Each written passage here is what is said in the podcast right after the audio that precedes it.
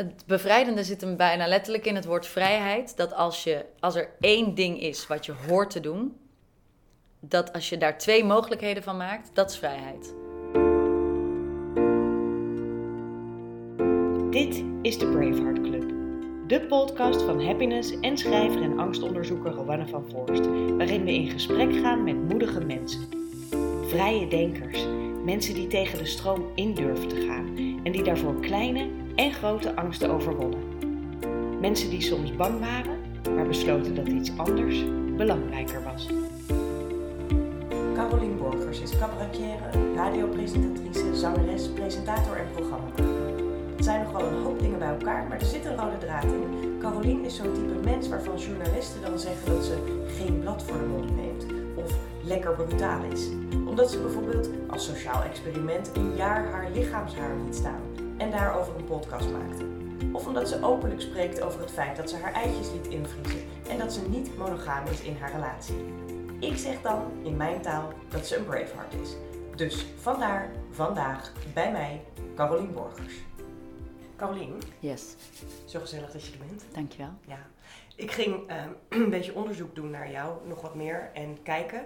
En ehm, eigenlijk is alles een soort van dat ik dacht, je hebt best een grote mond, zeg maar, of je bent best open. Vind je dat wel eens eng om dingen gewoon te zeggen? Want ik zie allemaal radiostukjes waar dan een programmamaker zegt: Oh, maar ehm, ja, mag ik dit zeggen? Mag ik dit delen? En dan zeg jij ja. Ja, En dan gaat het over: Ik scheer me niet meer als sociaal experiment. Of ik ben niet monogaam. Of ik heb mijn eitjes laten invriezen. Waar zit dat? ja eh, ik geloof dat, dat, eh, dat ik niet van nature zo ben. Ehm, en dat ik juist daarom het belangrijk vind om dat eh, voor mezelf te onderzoeken en dat aan te gaan. Ehm, ik zou eh, vanuit hoe ik ben opgegroeid en opgevoed eh, dingen veel meer bij mezelf houden en me voor dingen schamen. Maar ik geloof wel heel erg dat ik de laatste jaren overtuigd ben geraakt van het feit dat alles wat we als vaststaand en veilig en norm zien, dat het ehm, in ieder geval interessant is om te kijken hoe we daar buiten kunnen treden en eh, hoe je daar anders over na zou kunnen denken. Wat niet hoeft te betekenen dat je als conclusie daarna trekt dat, het, dat het radicaal anders moet. Alleen ik vind het wel interessant om overal de andere kant ook van te bekijken. Dus monogamie, oké, ja, dat is de standaard. Veel oordeel over als je dat niet doet. Maar waarom eigenlijk? Wat betekent dat? Ja, lichaamshaar, als je kijkt naar de standaard, is dat allemaal geschoren. Oké, dat is interessant. eh, maar waarom precies? Niet met het idee, iedereen moet zijn haar laten staan. Maar met het idee, ik wil wel weten waarom we het doen. Of in ieder geval nog een andere mogelijkheid vinden binnen dat stramien. Omdat dat volgens mij vrijheid oplevert. Ja, en dat doe je dan best wel op een, op een kwetsbare manier. Want je zegt, ik wil dat onderzoeken. Maar dat betekent bij jou dat je het ook echt zelf aangaat. Ja. Even voor de mensen die jouw podcast Zonder Haar niet kennen. Eh, Over haar. Over haar. Zonder haar was ook een goede Zonder haar, ja. Ja, zonder haar. Zonder haar. Ja, over haar, eh, zonder haar. Oké, oké, dit wordt een nieuwe naam. Ja, ja, ja, zonder haar. Over haar. Over haar. Die die dus niet kennen. Ehm, daarin ga je ook zelf het sociale experiment aan dat je een jaar niet gaat scheren. En dat vind je ontzettend moeilijk. Of Ja. tenminste, je vindt het beschamend. Ja, ik ben een vrij preutse, ehm eh, aanpasgevoelige, grage vrouw. Eh, ik vind het helemaal niet fijn om eh, eruit te springen of om anders te zijn dan anderen. Ik heb mijn hele leven heel hard gewerkt om er precies bij te horen en precies te zorgen dat mensen denken: oh, leuk. Dus ik hou daar helemaal niet van. Tegelijkertijd ehm, vind ik sommige dingen die ik als vanzelfsprekend ben gaan beschouwen wel raar. En in dit geval was dat twee zomers geleden dat ik eh, onder de douche stond en me weer als een malle stond te scheren. En dat was ook altijd best wel agressief, want ik vond het niet een leuke bezigheid. Dus het ging Nee, elke dag schat, schat, schat. Ja, precies, zoals vrouwen dat doen. En toen dacht ik, ja, stel nou dat ik dat niet meer zou doen. Stel nou dat ik daarmee stop. Wat gaat er dan met mij gebeuren en wat, wat zegt dat over mij? En ehm, toen ben ik dat gaan doen, eigenlijk. En dat vond ik verschrikkelijk. En ik vond het ook heel vervelend om het te moeten vertellen aan mensen of dat ze het zagen. Ik werd me heel erg bewust van mijn eigen lijf en van de imperfectie die ik opeens had, eh, ja, eh, had aangetrokken als een soort jas. Ik was opeens niet meer perfect. Ja, ik hoorde je ergens zeggen van ja, dan, dan kwam ik ergens met blote benen en dan probeerde ik die een beetje te bedekken. Ja. ja, ik zeg nu, dan was ik niet meer perfect alsof ik perfect was. Dat bedoel ik eigenlijk niet. Maar meer, er is, was één ding heel duidelijk aantoonbaar lichamelijk, wat niet was zoals het hoorde te zijn, volgens de norm. Ja, en als ik inderdaad ergens was, dacht ik, oh, ik moet dan toch maar dit eroverheen doen. Of die, die benen onder de tafel of onder de stoel proberen te duwen, zodat ze er niet naar kijken. Ja, ik vond het... eh, Maar ja, ik kreeg er natuurlijk ook opmerkingen over. Ja, want daar, hè, da- daar is vrij uitgebreid aandacht voor geweest. Inderdaad, eh, vrouwen die ongevraagd soort eh, grap of nare opmerking maken van nou, solliciteer je voor een gorilla of zo. Ja, ja, ja, solliciteer je voor chimpansee. Ja, nee, vrouwen vinden het eh verschrikkelijk. Maar mannen vinden het eigenlijk ook heel vies hoor. Die vinden het ook helemaal niks. Want het is gewoon niet het beeld wat we hebben van hoe een vrouw eruit hoort te zien. Nee, nee, dat is toch veel meer dat dolfijnbeeld. Ja. Ik bemerkte bij mezelf iets en dat vond ik heel interessant. Ik vroeg me steeds in mijn achterhoofd af, wat zou je vriend ervan hebben gevonden? Ja, En dat vond ik best wel erg dat ik daaraan dacht. ja. Maar ik ga hem toch even stellen en vooral hoe jij daarover hebt nagedacht. Ja, ik heb hem in de podcast eh, niet echt erbij betrokken, omdat ik eigenlijk, en dat is ook mijn antwoord aan jou, eh, in de overtuiging ben dat als eh, lichaamshaar en het hebben daarvan iets zou veranderen in je relatie, dan heb je echt een hele slechte relatie. Dus voor mij was het eigenlijk wel een vaststaand gegeven dat hij daar niet een probleem van zou maken. Nee. En dat is ook niet gebeurd. Ik bedoel, Nee, Uiteindelijk vindt niemand met wie je in bed ligt. ehm, tenminste, als dat een goede relatie is, laat ik dat vooropstellen. eh er iets van als jij je oksels niet scheert of je benen niet scheert. nee, het grappige is, ik heb een aantal vriendinnen die ehm, ook niet gingen scheren. Een beetje in dezelfde periode. Dus het is natuurlijk ook wel iets wat rondbust. Ja. dan. Zo kom je ook op ideeën, neem ik aan. Ja, ik zat heel erg op een golf. Ja, dat je klopt. zat absoluut op, een, op de bal. Op de bal. Je zit bovenop de bal. Oh, aan de Ehm, bal. Aan de money. Nou, niet aan de money. Nee, was nee, het maar waar. nee. Ehm, maar daarin merkte ik ook altijd dat zij, dat hun partners daar, dat, die vonden dat geweldig. Zo van, die stonden dat echt te cheeren. Van ja, you go girl, weet je wel. Dat is eigenlijk ook heel achterlijk inderdaad dat Ja. dat allemaal moet. En toen vroeg ik me af, hmm, is dat dan, ik weet niet, hebben jullie al zo'n soort gesprekken gehad of zo, weet je wel? Zijn het dan relaties waarin dat sowieso al heel erg naar voren komt van wat Ja. gek eigenlijk schoonheidsidealen, waarom zou je dat eigenlijk doen? Of Nee, niet? denk ik niet. Volgens mij was het heel erg mijn eigen eh, initiatief. En, en heb ik het wel met, eh, met hem besproken. Maar ik weet dat, dat hij eraan moest wennen hoor. Want het is gewoon een ander eh, beeld wat er opeens in de badkamer staat. Ja, Als je je benen niet scheert. Dus daar, daar heeft hij wel... Hij zei wel, ik moet er even aan wennen. Maar dat is gewoon na twee weken, drie weken ben je daaraan gewend. En dat geloof ik dus ook nog steeds nu een jaar na die podcast. Ehm, als het gaat over acceptatie van schoonheidsidealen, is het alleen maar wat we te zien krijgen. Ja. Al die reclames hebben ervoor gezorgd dat we het onnatuurlijk en vies zijn gaan vinden. Niet omdat we dat echt vinden. Ons brein is super flexibel. En zeker onze, ons gevoel voor esthetiek. Dat kan gewoon veranderen. Je zei helemaal aan het begin, hè, want in deze podcast spreek ik vaak met, met, met mensen over wat vind je nou eng en hoe ga je daar dan mee om. En jij zei, nou, daar komen de dingen op me af. Ehm, en ik denk dat ik die opzoek omdat ik juist niet zo ben. Maak ik daaruit op dat je vroeger bijvoorbeeld verlegener was of zo? Ehm, Of niet op wilde vallen, zei je al. Je wilde erbij horen. ja, erbij horen. Dat Ja. is de beste term, denk ik, die het, het samenvat. Ja, ik wilde wel heel graag onderdeel zijn van de rest. Dus ik ben opgegroeid in Etteleur. Daar heb ik tot mijn achttiende gewoond. En de eerste drie jaar bijvoorbeeld van de middelbare school... heb ik er echt alles aan gedaan om dezelfde broeken te dragen... dezelfde schoenen, dezelfde truien als iedereen. Omdat ik eh, dan hoopte dat het een soort ehm, deur zou openen naar het fantastische leven. Dat was heel erg mijn idee. Ik had heel erg het idee dat eh, hoe meer je je aanpaste, hoe beter dat was. Hoe gelukkiger je dan daarvan zou worden. Maar je hoort vaak, dat, ik weet niet of dat een cliché is, maar je hoort wel vaak dat, dat juist mensen die daarmee bezig zijn, eindigen op een podium en dan heel graag nog grappen maken ook. Was grappen maken een, een Ehm, manier van jou om eh, in de groep te passen, denk je? eh, ik denk dat dat sowieso voor, voor vrouwen minder eh, ehm, iets is wat ze minder snel pakken om in een groep te horen. Dus dat, zit, dat is, vind ik ook heel jammer. En een van de verklaringen waarom er denk ik minder vrouwelijke comedians zijn dan mannelijke, is omdat op het schoolplein eh, het nog steeds zo is dat esthetiek bij een vrouw heel erg gaat over. Weet je, of dat het populariteitsding heel erg hangt aan de esthetiek. Dus hoe ziet een meisje eruit? Is ze knap genoeg? Heeft ze, heeft ze een goed lichaam? En bij mannen of ze stoer zijn en grappig zijn. Ehm, dus ik denk dat ik dat ook helemaal niet zo ben gaan ontwikkelen in eerste instantie. Dat is pas veel later gekomen. Hmm. Dat ik eh, gevoel kreeg voor die de soort grappige manier van naar de wereld kijken en daar iets mee willen doen. Wat trok je daarin aan om dat dan echt ook op een podium te gaan doen? Vind je dat leuk? Mm, ja, dat mag ik hopen dat ik het leuk vind. Nou ja, ik ken ook wel mensen die vinden dat eigenlijk echt vreselijk, maar ook wel, ze kunnen het ook niet laten of zo. Ja. Zoiets kan het ook zijn. Ja, ja, ja. Ehm, ik geloof dat ik... Ik zat in, de, in het derde jaar van de Toneelschool en Kleinkunstacademie. Toen had ik een liedjesprogramma gemaakt. Want ik was voor mijn gevoel vooral zangeres. En dat waren hele serieuze liedjes over een relatie die ik toen had. En over mijn leven en hoe ik dat zag.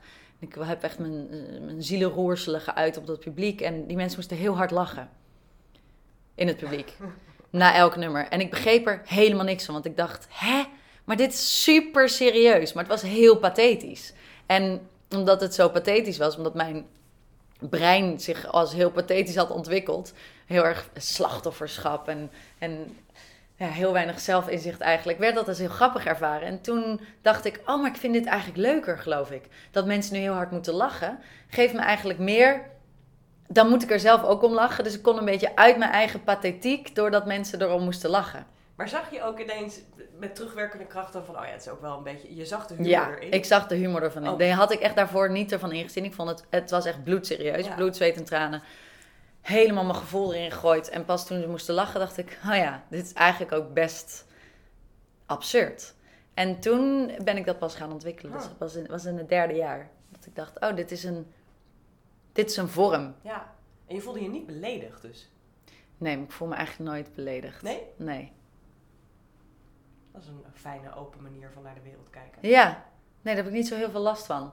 Ehm, ik schaam me wel snel, Hm. maar ik voel me niet beledigd.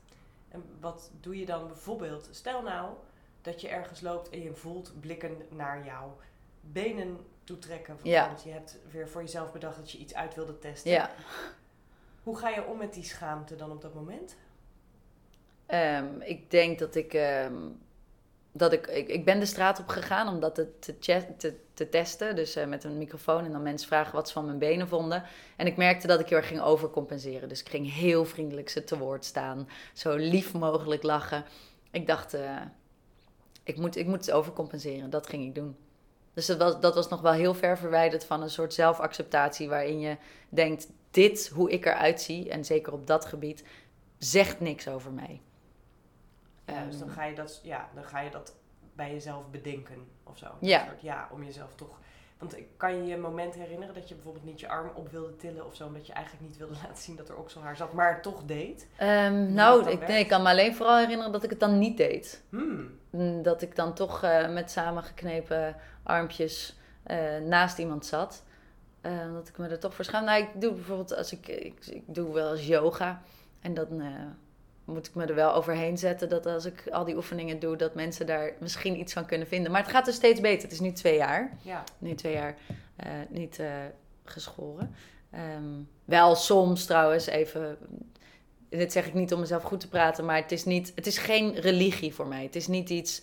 ehm, het is geen dogma. Ik hou er niet angstvallig aan vast. Als ik me wil scheren, doe ik het wel en soms doe ik het niet. Maar dan nog merk ik wel in een, in een, in een yoga-klas of zo dat ik denk: wow, vinden ze daar nu iets van? Maar dat wordt dus minder. Ja. Dat je daarmee bezig bent. Ja. ja. Ja. En het, het, het vloeit ook door in andere delen van mijn leven. Dat ik me minder een houding probeer te geven die ik zie als wat, ik, wat mensen van mij verwachten. Hmm. Kan je die eens concretiseren? Dus, dus eh, kan je ze een, een veld noemen waar je dat ook in voelde? Ehm,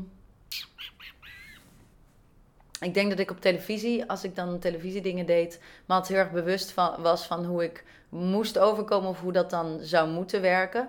Eh, en daardoor was het eigenlijk altijd voor mij heel vervelend en ook niet echt nuttig voor niemand. En ehm, dat een deel zelfacceptatie, wat dan door allerlei dingen komt, door niet alleen door je lichaamshaar laten staan, maar dat je dan op een gegeven moment merkt dat je ergens rustiger kan zitten en ook kan accepteren, oh, als ik bijvoorbeeld iets niet weet op een vraag die gesteld wordt, is dat niet erg. Dan kan ik ook gewoon zeggen, oh, nou, dat weet ik eigenlijk niet. Dus dat heeft er ook wel, is er ook bijgekomen. Ja, is dat een soort. ehm, dat heeft er dan mee te maken dat je. Ja, even heel stom gezegd, maar. Dat je dus iets gênant vindt, dat je merkt dat mensen iets verwachten, dat je daar niet aan voldoet. En dat de wereld door blijft draaien. Ja. Zo, Is dat dan... de- Ja, en dat jij ook door blijft rijden. Dat het eigenlijk helemaal niks over jou zegt. Het verandert niks aan wie je bent. Nee, Iets niet weten, er anders uitzien. Het verandert niks aan wie jij bent. ja.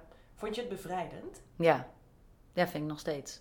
Wat zit daar dan? Wat, wat is er zo bevrijdend aan? Ehm, het bevrijdende zit hem bijna letterlijk in het woord vrijheid. Dat als, je, als er één ding is wat je hoort te doen, dat als je daar twee mogelijkheden van maakt, dat is vrijheid.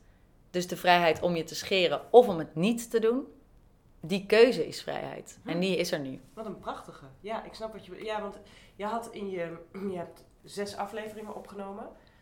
En in nummer zes zeg je inderdaad eh, bij je conclusie van... Nou, ik, ik ga me nu niet scheren, maar misschien wel een keer. Ik leg mezelf niks op, maar ik wil inderdaad dat het per keer bijna een keuze blijft. Hè? Ja. Dus dat, dat is waar je op uit bent Ja. En ik vind dat, en dat is de, de licht feministische insteek ook van die podcast. ehm, dat is bij mannen natuurlijk anders. Al zal er ook een stigma zitten op het scheren hoor, van mannen. Die, als, als mannen hun benen scheren of hun oksels, dan denk ik ook wel dat ze daar misschien opmerkingen over krijgen. Maar echt een stuk minder dan vrouwen die hun benen niet scheren. Dus dat is een, een verschil tussen mannen en vrouwen in vrijheid. En dat zou ik graag in elke zin proberen op te heffen. Ja. Zette het je aan het denken, daar was ik over aan het nadenken terwijl ik naar je podcast zat te luisteren. Zette het jou aan het denken ook over andere schoonheidsidealen of gewoontes van vrouwen? Mm. Eh, nou, zeker. En ik werd er ook wel mee geconfronteerd. Dus bijvoorbeeld, eh, er waren mensen die zeiden... Moet je het niet, kan je het niet beter hebben over bijvoorbeeld make-up? Hmm. Is dat niet een beter onderwerp? Omdat vrouwen zich... eh, toch elke... Heel veel vrouwen eh, het gevoel hebben dat ze daarmee... Ja, dat ze dat moeten aanbrengen om de straat op te kunnen. Om het leven aan te kunnen. Ehm, dus daar ben ik ook wel over na gaan denken. En andere dingen, schoonheidsidealen. Ja, met die verschillen natuurlijk dat ik me kan voorstellen. Ik draag bijvoorbeeld heel vaak geen make-up, eigenlijk bijna niet. Ehm, ja, daar word ik niet uitgescholden ehm, voor chimpansee, zeg maar. Precies. Het is niet Dat is een verschil. En, en het is ook zo dat make-up is iets wat je aanbrengt. Dus dat is een extra. En dat lichaamshaar is iets natuurlijks. Mhm. Wat je weghaalt. En daar vind ik ook nog een verschil in zitten. Ja, Of je jezelf dus iets af moet nemen of iets toevoegt. Ja, En dat, dus daarom vind ik eigenlijk die vergelijking niet helemaal opgaan. nee. Ehm, en verder het schoonheidsideaal. Ik had in de laatste aflevering met, eh, met eh, Anneke Smelik, een eh, socioloog, een gesprek over de toekomst. Wat jou waarschijnlijk ook aansprak. En dat gaat dan heel erg over dat schoonheidsideaal en dat lichaamsideaal. En zij ziet daar heel duidelijk een lijn in. En dat we eigenlijk steeds meer naar een soort robotachtige ja, glad. glad, perfect, geen rimpels, eh, geen haar, ook niet op armen, ook niet op tenen, ook niet op... Het wordt steeds meer een soort ja, cyborg-achtig eh, schoonheidsideaal. En dan kan je zeggen, ja, ga je je daar dan tegen verzetten? Eigenlijk hoeft dat waarschijnlijk, dat hou je niet tegen. Dat zal waarschijnlijk gebeuren. Daar gaat het naartoe. Ja. De Kim Kardashians van de wereld. ja, en ik denk dat volgens mij wat je probeert te doen is meer laten zien dat het een gewoonte is en niet een gegeven. En Precies. dat als mensen dat dan zien, dan is het al eh, Ja, genoeg. ja dat, het, dat je er misschien anders naar kan kijken als iemand niet aan die gewoonte meedoet. Dat dat niet betekent dat hij rebelleert of ehm, een statement maakt, maar gewoon een andere vorm kiest of een, eh, ja, een, een, een mogelijkheid voor zichzelf creëert. Ja, ik heb het vaak met mijn studenten als ik les gaf aan de universiteit. ehm, dan hebben we het vaak over hoge hakken. Die natuurlijk mega oncomfortabel zijn. En die vrouwen zich hebben aangeleerd om te dragen. Omdat je billen en benen er heel mooi ehm, door worden, zeg maar. Of eh, voldoen aan de mode in ieder geval. En voor mij hoeft niet iedereen de hele dag op gimpen te gaan lopen. Maar ik vind het wel grappig als meisjes dat kunnen zien. Van ik doe schoenen aan die me nu pijn doen. Die eigenlijk heel slecht zijn voor mijn voeten. Dat is een keuze. Ja. Dat hoeft niet, of zo. Ja, dat vind ik een van de lastigste hakken. Omdat het eh, in eerste instantie inderdaad catert, om dat maar het vreselijke woord, maar het, het, het, het, it's catering to men. Hè? Dus je, je doet iets zodat mannen je knapper vinden, of, of, of vrouwen, wie je dan ook maar, waar je ook maar op valt. Maar, eh, en tegelijkertijd kan je het zien als heel erg empowering. Dat je denkt, oké, fuck it. Eh, ik doe die hakken gewoon aan omdat ik mezelf daar mooi door voel. En dat is natuurlijk allebei waar. Ja, maar dat is volgens mij altijd, eh, en daarna gaan we het weer hebben over jou, maar Mm. dat is volgens mij juist het interessante eraan. Het is nooit zo, kijk, het is niet een soort patriarchaal stelsel dat zegt, jij trekt die hakken aan, ja. Dan was je al lang weggelopen. Het is het gaat veel dieper. Mhm. We hebben embodied dat wij dat ook sexy hebben leren vinden. Precies. Dus ik voel me super sexy Ja. in een, eh, in bij wijze van spreken een kort rokje waar ik blaasontsteking van, kijk, van Ja. krijg en waar ik onhandig mee op de fiets zit en op hele hoge hakken. Ja, en Dat- met je beentjes geschoren. Ja. Ja, ja dat klopt.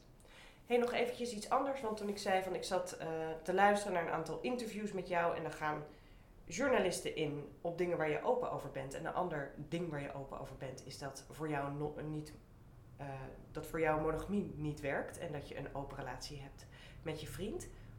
Vind je dat nou wel eens, ik vroeg het aan het begin al een klein beetje, maar toen hadden we het meer over haar. Vind je dat irritant om dat te moeten delen? Of heb je zoiets van nee, oké, kom maar dan. Nee, dat is natuurlijk wel een vrij bewuste keuze geweest om dat te delen. En ehm, Vind je dat belangrijk om het daarover te ja, vind ik wel.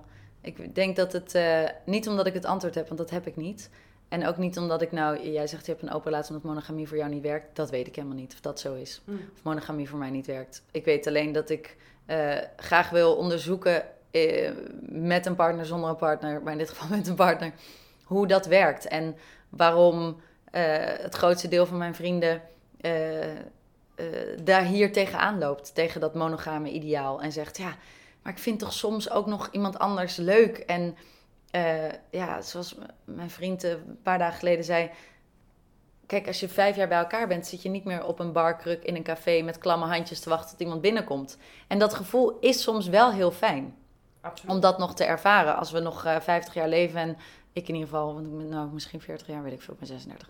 Eh, ik hoop dan nog 40 jaar mag leven, dan wil ik dat nog wel een paar keer meemaken. Wat daarnaast bestaat, denk ik, om, om dat op een juiste manier te doen, is dat je wel aan de partner met wie je bent, en dat, zo werkt in ieder geval voor mij, maar het werkt voor iedereen anders, het gevoel geeft en duidelijk maakt, wij horen bij elkaar, dus ik ga jou niet verlaten. Ik ga niet iets doen om ons kapot te maken. En wat ik, waar ik naartoe wil uiteindelijk is dat ik hem dus zo'n avond op een kruk met klamme handjes, dat, ik, dat hij daarna thuis komt of de volgende dag en dat ik kan zeggen, wat leuk dat je dat, nog, dat je dat hebt ervaren. Hoe was het?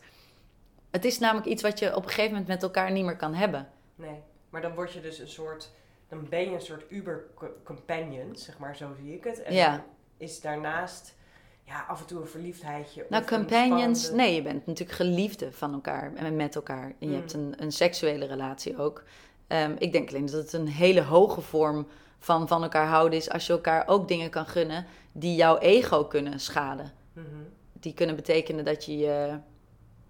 Ja, dat je. Dat je. Dat je. eh, ja, hoe moet je dat het beste zeggen? Dat je in de ogen van het standaard model. eh, iets doet wat gevaarlijk is voor je relatie. En ik denk niet dat dat zo is. Ik denk niet dat dat zo hoeft te zijn. Ik denk dat het gevaarlijker is om met een kerstborrel iemand in een kopieerhok te sleuren. En eh, daar dan een jaar niet meer over te praten. Maar de hele tijd te denken: oh my god, oh my god, ik wil dat, ik wil dat. Mhm.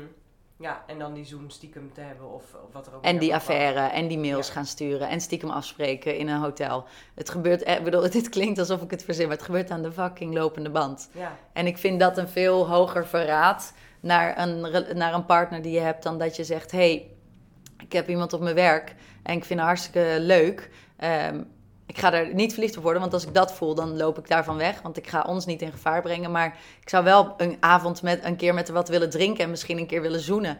Ja, wat vind jij daarvan? Volgens mij is dat. En dan kan die ander zeggen: dat vind ik niks, dat wil ik niet. Maar alleen al dat je het kan bespreken is volgens mij. nou ja, dat is ook als ik bezig ben met, hè, mijn onderzoek gaat daarover, over niet-normatieve relaties bijvoorbeeld, of over Mhm. moderne liefde. En als ik spreek met polyamoristen, dan zeggen ze ook altijd, het is eh, vooral heel veel praten. Vooral Ja. de eerste jaren zijn we veel meer aan het praten dan aan het seksen, zeg maar. Ja. Ehm, Oh ja, van praten komt wel vaak seksen. Dat is wel het fijne van praten. Dat kan soms, behalve als het even toe, weet je, in het begin is het natuurlijk misschien nog meer wennen en elkaar ook daarin weer leren vertrouwen of zo. Mhm. Ehm, je- het gaat namelijk zelden op dezelfde avond dat je alle twee iemand bent tegengekomen waarvan je dacht, nou dat zou nou echt een leuke spark kunnen opleveren. Het is altijd één van de twee die dat heeft en dan de ander die Ja. ja, moet leren meebewegen. En dat misschien wel wil, maar dat dan toch spannender vond dan hij of zij had gedacht. Zeker, wel, zeker. Ja. Want hoe lang hebben jullie dat nu? want Jullie hebben dat vanaf het begin bedacht. ja, nou helpt het wel dat, eh, dat hij in New York woonde eh, de eerste vier jaar van die relatie. Dus Ja. dan werkt het alweer anders. Wat niet weet, wat niet deert, was dan een beetje. Nee hoor, was, was wel wat wel weet. En ook soms deert. Maar, maar wel, dat was niet eh, in het geheim dingen doen. Nee, maar ik bedoel meer, je ziet het niet. Dat is Nee. anders dan wanneer je samen woont. Ja, dat is waar. Dat is waar. Dat is ook echt wel een verschil. Daar moet je volgens mij ook weer andere afspraken over maken. Of je dat, ja, hoe je dat dan, eh, hoe je daar invulling aan geeft. Dat is anders in een stad waar je allebei woont. Ja. Want doe je dat dan met mensen die je allebei kent? Nee, idealiter niet. Doe je dat dan met vreemden? Waar, wanneer kom je die nog tegen? Ik kom niet zoveel vreemden tegen in mijn leven. De meeste mensen met, die ik zie, die ken ik al. Dus dat is de hele tijd aftasten en, en uitzoeken. ja. Wat, wat brengt het je, al dat zelfonderzoek en samenonderzoek? Ehm, En deze manier van leven in, je, Hmm. in je relatie hebben? ruimte, denk ik. Ruimte in mijn hoofd. Ehm, ruimte om mezelf te ontwikkelen. En daardoor ook de manier waarop ik over dingen denk. Ik ben ook opgevoed met... En, en, en vanuit in eerste instantie is monogamie... Alle Disney-films die ik zag, alle liedjes die ik luisterde... Ik hoor het mezelf nog zeggen. Het is die ene grote liefde. En als ik die vind, dan is dat alles. En toen had ik die gevonden. En toen dacht ik... Oh, maar ik vind dus ook nog andere mensen aantrekkelijk of soms interessant. Hoe kan dit? Ik ben, nee, ik ben een slecht mens. Schaamte, schuld. wa, wa, wa. Maar ja, dat is natuurlijk, dat is heel beperkend om zo te denken. Ja, dus eigenlijk is het hierbij ook weer... Eigenlijk is het ook weer... Creëren van vrijheid. Ja, het creëren van die Ja. twee keuzes. Ja. Soort van, dus bij ieder mens wat je tegenkomt, kan je denken ehm, ja of nee. Mhm. Maar je kan een keuze maken. Het is dus niet een Je kan een keuze maken, maar je kan dus ook een keuze maken. Dat moet ik wel echt benadrukken. Want mensen zijn heel bang dat als je je relatie op een bepaalde manier opengooit, dat je grotere kans hebt dat je verliefd wordt. Dat is een uitzonderlijk gegeven, verliefd worden op iemand. Echt verliefd worden. En ik geloof wel dat je daarvoor kan kiezen om daarvan weg te lopen. Ik zeg niet dat je, dat je dan niet verliefd wordt, maar je kan wel zeggen: ik, ik waardeer mijn relatie zo erg dat ik nu wegloop van deze persoon om dat in stand te houden en om dat goed te houden. Ehm, en ik denk al dat dat andere is een hele leuke bijkomstigheid. Iemand aantrekkelijk vinden, eh, een keertje met iemand afspreken. En dat is, dat is geen gevaar voor je relatie. Nou is denk ik een ander misverstand. Het eerste is dan misschien, eh, oh dan is het heel gevaarlijk voor je relatie. Het andere is, mensen die in een open relatie zitten of die polyamoreus zijn. Dus dat betekent dat je echt meerdere liefdesrelaties aangaat in plaats van open voor een avond. Mhm. Ehm, of voor een leuke date of voor een spannende ontmoeting of voor seks met een ander. Is dat mensen geen jaloezie kennen. Zo van, oh als je dat doet dan ken je zeker nooit, dan heb je nooit jaloezie gevoeld. Misschien is dat zo voor jou. Oh nee, ik ben hartstikke jaloers. Ja, Nee, dat kan je is daar eens wat over uitleggen? Wat doe jij op een moment dat je lief weg is en je vermoedt of je weet... Mhm. en je zit toch een beetje met jezelf naar je telefoon te kijken? Ja, maar. het gaat toch heel erg dan naar ehm, het be- bereid zijn om niet met twee maten te meten. Dus kijken naar jezelf en weten voor jezelf wat je jezelf gunt. Het klinkt heel bijbels, maar dat toch ook zo ook naar iemand anders kijken. Dus hoe je zelf eh, behandeld wil worden, zo behandel je ook degene met wie je bent. En als hij de ruimte kan vinden om mij een leuke avond te geven met iemand, dan moet ik, dan moet, moet is een groot woord, maar dan wil ik ook hem dat kunnen geven. En ik geloof dat dat ehm, de relatie verdiept en liefdevoller maakt. En dat je daar eh, een ehm, leuker, breder, wijzer, groter mens van wordt. En stel nou dat je ehm, daar zit, eventjes, hè, stel dat er iemand zit te luisteren en denkt, nou, ik, ik voel dit ook. Ik hoor het ook steeds vaker, ik wil daar eigenlijk wel naartoe. Maar ik weet ook van mezelf, ik word helemaal gek zo'n avond. Mhm. Wat zeg jij? Wat is een goede afleidingstruc? Of heb je die niet? Ga je er gewoon in zitten wachten? Ja, je moet er volgens mij gewoon in zitten wachten. Je moet er, gewoon Je moet er doorheen. doorheen. Ja. Ja. het is echt verschrikkelijk. Maar het is iets wat volgens mij waar je aan kan werken bij jezelf. Ehm, het heeft namelijk ook. het is ook heel goed om na te denken: wat is dit dan, hè, wat ik dan voel? Dat ik iemand zo. Dat iemand zo kan bepalen hoe ik me voel eh, over mezelf. Het is een groot deel ego, wat dan aangesproken wordt. Ja, want je gaat vergelijken bijvoorbeeld. Je gaat vergelijken, oh, straks vindt die persoon die, die leuker. Ja, dat gaat, kan altijd zo zijn, of die daar nou mee afspreekt of niet. Ehm, en ik denk wel dat het heel erg krachtig is. En dat je dat gaat voelen op een gegeven moment als je zo'n avond overleeft. Oké, het is kut. Misschien open je een fles wijn en denk je... Oh, ik moet hier doorheen, ik moet hier doorheen. Ik vind het een verschrikkelijk idee. Maar je komt er wel doorheen. En het...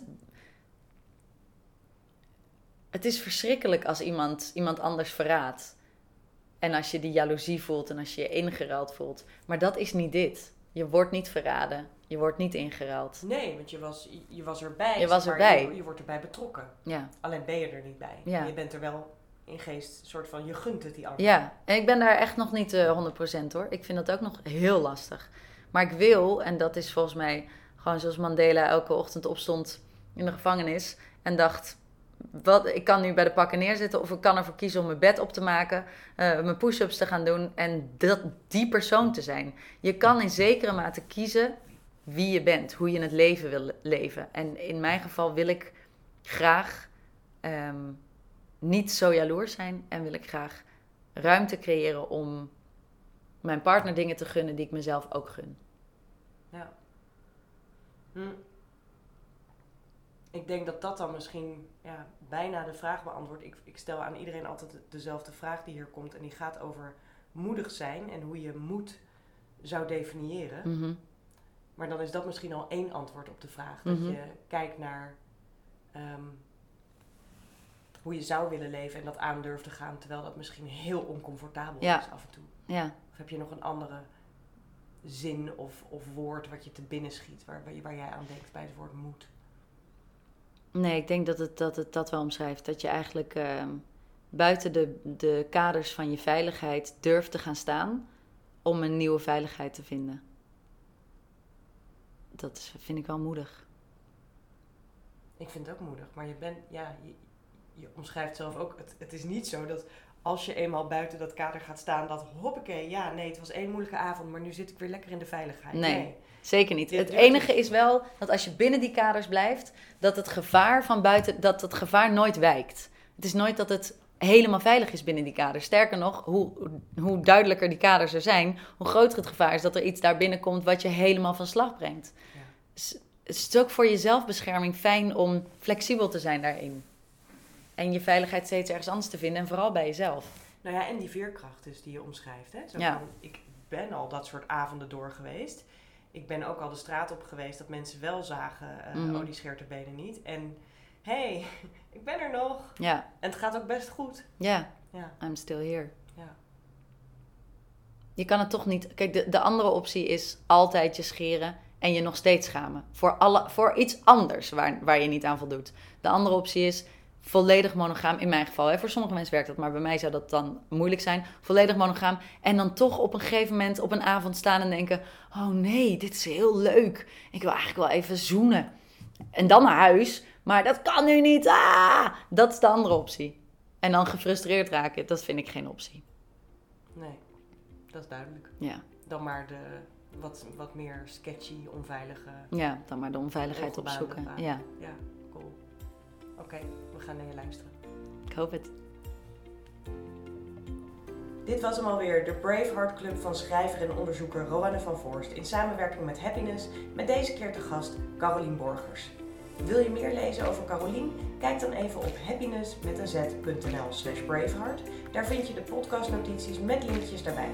En wil je andere Bravehearts horen over de thema's moed, hoop, angst en de levenslessen die daarbij horen? Abonneer je dan vooral op deze podcast in de iTunes app van je telefoon of kijk in Spotify. En ik ben mega blij als je ons een 5 sterren review wilt geven of wat mooie woorden wilt schenken. Want hoe vaker dat gebeurt, hoe makkelijker deze gesprekken te vinden zijn voor andere luisteraars. Dankjewel voor je steun en voor je aandacht. Tot de volgende Braveheart Club.